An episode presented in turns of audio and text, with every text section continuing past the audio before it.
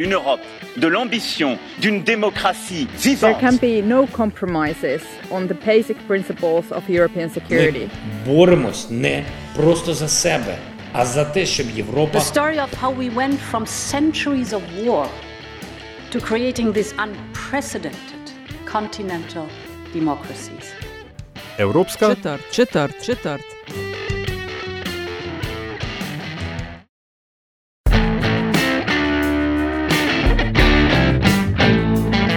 You are listening to a podcast on all things European, a podcast we call a European Quarter and is part of Metina Lista media network based in Slovenia. My name is Nataša Briški and I am one half of the podcast team. and my name is Aljaž Pengov Bitenc and I comprise the other half of the team.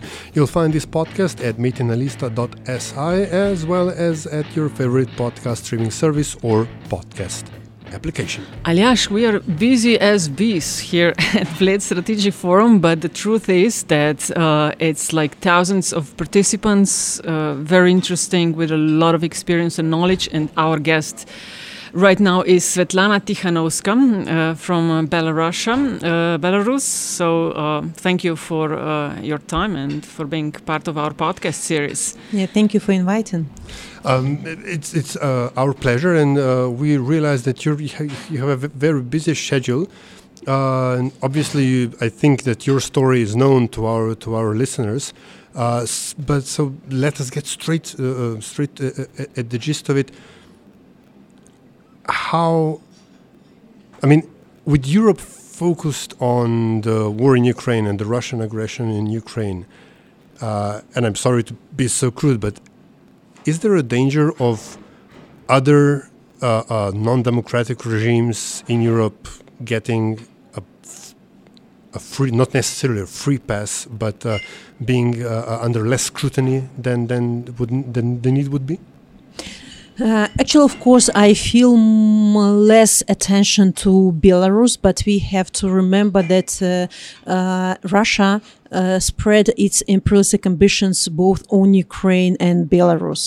And uh, actually, Belarus plays a key role in regional security, and you can't divide Ukrainian issue and Belarusian because without free and democratic Belarus, there will be no peace and stability in Europe, even when uh, Ukraine wins this war. So that's why Belarus is part of this crisis, and uh, but it can be also part of the solution. So we fully support that all the attention now goes to Ukraine because Ukraine Ukrainians now are fighting not only for their lands, they are fighting for the whole democratic world. But don't forget uh, the role of Belarus in this.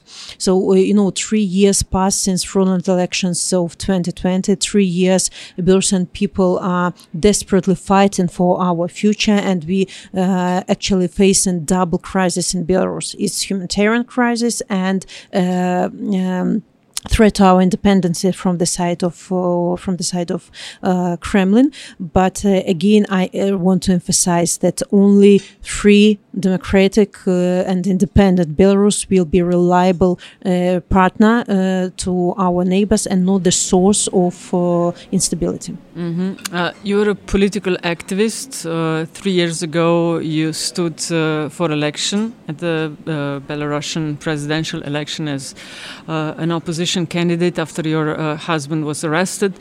Uh, you have conducted your operations uh, from abroad, from exile, from Poland and Lithuania, right? Lithuania. yeah. Okay. Could you tell for those who are not uh, following your activism very closely, how does a day in the life of Sviatlana Tsikhanouskaya look like? Oh, uh, every day looks like differently, but what I have to say that every day is full of pain. First of all, because we uh, people who are fighting for the future of our country are fighting for our people who are in prisons. You know, since 2020, uh, uh, more, th- more than 60,000 people went through detention in Belarus. At the moment, up to 5,000 political prisoners in our country just imagine uh, about half a million of people had to flee Belarus because of repressions. So uh, I have multiple tasks being on on uh, my position and having uh, uh, having uh, support from Belarusian uh, people. First of all, I represent Belarus on the international arena. At last, maybe first time for uh, 30 years, uh, Belarusian democratic uh, democratic Belarusians have their voice. We managed to gain support from uh, uh, international community. Lukashenko is not recognized as legitimate leader of Belarus. Instead, uh, democratic world is communicating with us. They recognized me as leader of democratic Belarus, and they uh, give us voice on international. Uh, platform. We uh, Has anything changed in how they view you as uh, someone representing Belarus abroad since the war started? Uh, Because Belarus, we know, is uh, tightly connected with the Russian regime. you know, thanks to year and a half work of democratic forces before the war started, it became easier for us to show the difference between Belarusian regime, who is on the side of Kremlin in this war, and Belarusian people who are supporting Ukraine. If not for this reason, uh, Belarus could be considered fully as country co-aggressor and will be isolated. But now I see this uh, that uh, the world distinguishes Belarusian regime and Belarusian people and Belarusians from the Russians, and it's of course it's huge achievement for us, and uh, we can represent you know Belarusian Belarusian people on uh, on different events. One of the phenomenons that Europe has been dealing with over for the past, I don't know, 10 years is the res- resurgence of populism, often right wing populism, though not necessarily. But one of the key traits of various populists is isolationism. Do you feel that um, the problems that Europe has, the European countries have, with, with uh, democratic backsliding, with looking inwardly, that this should this could sort of d- deflect the attention or the, even the support within various European or Western countries from from from your plight, like that that uh, you know. You have you have an, uh, uh, populist nationalist leaders that say, "Oh no, we shouldn't be dealing with the problems outside of our countries." Uh, uh, do you feel that that is a could be an issue?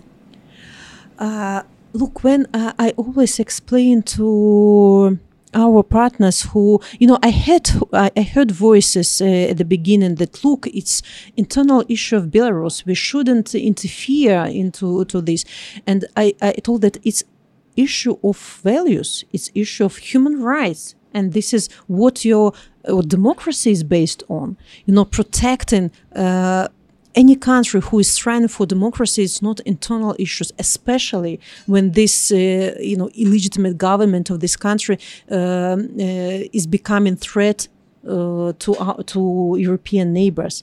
It's moral obligation of every democratic country to interfere when it's about human rights abuses, when it's about tortures, when it's about children. You know, you you we you are you are uh, law based countries. Uh, it's not about interfering. You are not interfering into political processes. You know, it's uh, leave it to Belarusian people. But when you see that uh, people are being detained just for their political views or for supporting uh, Ukraine, for example, you know, you, you have to interfere. It's not. Uh, it's not like an internal issue anymore. You spoke at the roundtable, the EU's Eastern Partnership at a crossroads, uh, new reality, new approach. Uh, do you feel that the European Union is doing enough, or how do you see the support of the European Union towards the Belarusian people? Um, what would you need that the European Union should do, in your view? of course, you know, from the perspective of uh, Belarusian people, I would like to uh, see Europe mm, faster and more decisive. Because uh, let's return again back in 2020. We asked for immediate reaction uh, of the Western countries on uh, crimes of Lukashenko against against people who have been tortured, who have been prosecuted, and uh, but for example, what is the most efficient tool of democratic world is uh, economical isolation first efficient sanctions have been imposed in 10 months after the beginning of our prison, when the most of uh, activists were in prison, when uh, hundreds, uh, thousands of people have already fled our country, you know, and uh, Lukashenko managed to suppress, you know, this active phase of our prison. Three years passed. Sanctions have been imposed, but sanctions have such a huge loopholes uh, that can be easily circumvented by the regime of Lukashenko. So uh, until now, the mechanism of sanction enforcement haven't been hasn't been developed. It's like huge problem. Let's talk about uh, accountability. Uh, we have uh, multiple evidence of Lukashenko's crimes against people of Belarus, uh, migration crisis, uh, hijacking of airplane, participation in uh, crime of aggression, uh, abduction of Ukrainian children toward uh, inside Belarus from occupied territories, and we are knocking all the doors of of um, you know these judicial institutions, ICC, ICJ, launch special investigation on Lukashenko's crimes. Mm. These organizations are still hesitating. You mentioned that you would like to see a faster and more decisive European Union. European Union is, of course, 27 member states, and the decision process is, in that regard, that much slower. Which countries do you feel are uh, the ones stopping the the speed of this process? Which ones are on your um, that might sound a bit harsh, but on a sort of a blacklist? Uh, we don't have uh, countries on blacklist because uh, actually towards Belarus there is a unity of uh, opinion. You know, we have absolutely bilateral uh, supports from uh, in, in, all the countries towards Belarus. Of course, some countries conduct more um, like business-based policies they have business in Belarus and they rather like uh, cautious about decision making. Uh, but still, there are no countries who are fully opposing, you know, approach towards Belarus. No, there are no such countries. Maybe uh, like uh, Hungary is a little bit hesitate, and they even uh, send they uh, they politicians to Belarus for communication, but uh, you know it's uh, they in minority i suppose uh, some countries are more more uh, effective because they are neighbors like Poland and Lithuania. They're really our like voices in international arena. The further country, there is less interest, you know, in what's going on in Belarus. But still, we we feel huge sympathy from all the EU member states, you know, in, to the situation in Belarus. But maybe uh, it's. Uh, maybe it's lack of tools and instruments how to deal with dictators. And I think that international organizations who have special mandates might be more effective here. For example, let's take Red Cross, who have a mandate to mm, get access to prisoners who are mistreated no strong reaction or, or OSCE organization ODIHR who who also have mandate to demand access to trials at least. So also rather poor uh, reaction. Yeah.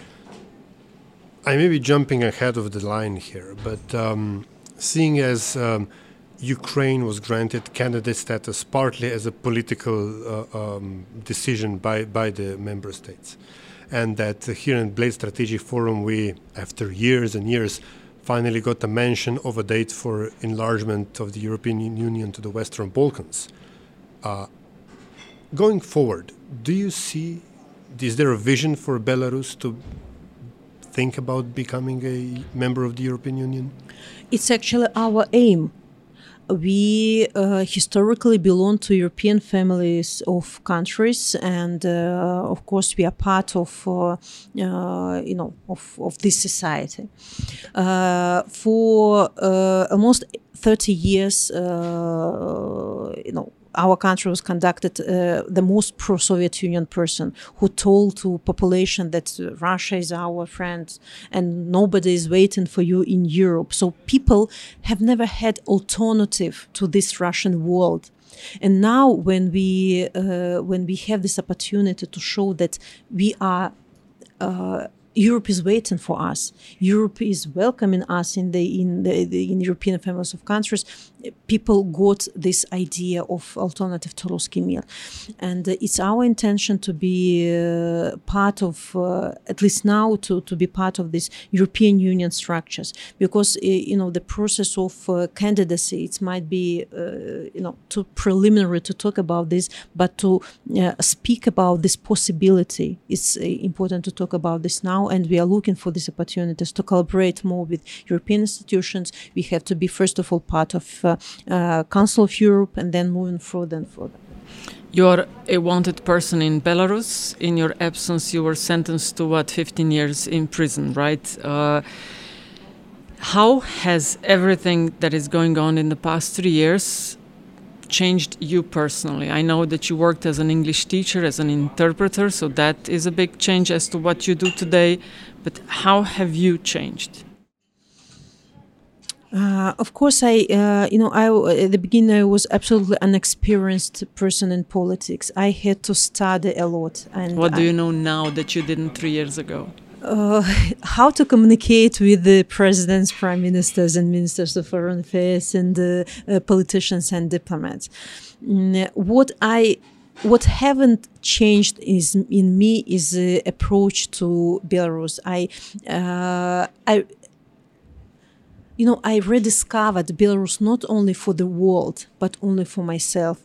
I, together with the Belarusian people, um, studied how to love your country you know from the beginning that you have another Belarus, you have other Belarusian people who respect the history, who want to speak Belarusian language. Uh, in in the now the process of full Russification is going on in Belarus, and we trying to restore and strengthen our national identity, and it's it's uh, very important.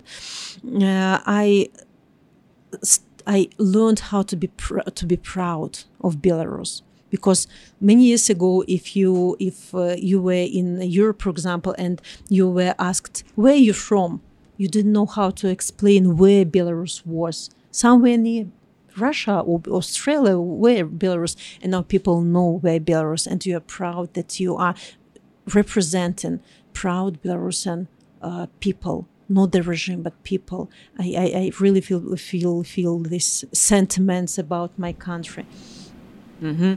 Yeah, and that uh, brings us to a conclusion of our podcast. Just one more thing. What message would you spoke at the Bled Strategic Conference? What message would you like people to take home? Uh, if you talk about politicians, you know. About you, what you said. Uh, Belarus is important. Belarus is crucial don't leave Belarus for one day later. It is important now, and I want uh, you know your your listeners who are listening to us at the moment to uh, uh, remind how it's difficult to. Um, to have democracy. You know, you just for you it's like uh, air. You just breathe it, but it's so difficult to retain it when it's lost. So I uh, ask you to cherish what you have, but to help those who are on difficult path of uh, getting democracy in their countries. And it's also up to you uh, how to help those and people in other countries who are fighting for democracy now. It's uh, also you, you you can help. You can help political prisoners. You can help uh, different initiatives. You can uh, uh, contribute to to uh, victory of Ukraine. It's not only up to us, Belarusians and Ukrainians. It's also up to you not to feel fatigue uh, of our fight and to help your politicians to make uh, rightful decisions. Sviatlana Tsikhanouskaya, thank you for being uh, our guest and taking the time for the interview. Thank you. Thank you so much. This was an episode of the European Quarter, and uh, this episode is a part of a series prepared in cooperation and with the support of the Bled Strategic Forum. The views, information, or opinions expressed during the podcast series are solely those of the individuals involved and do not necessarily represent those of the Bled Strategic Forum. And as always, thank you for tuning in, and until next time, watch this space.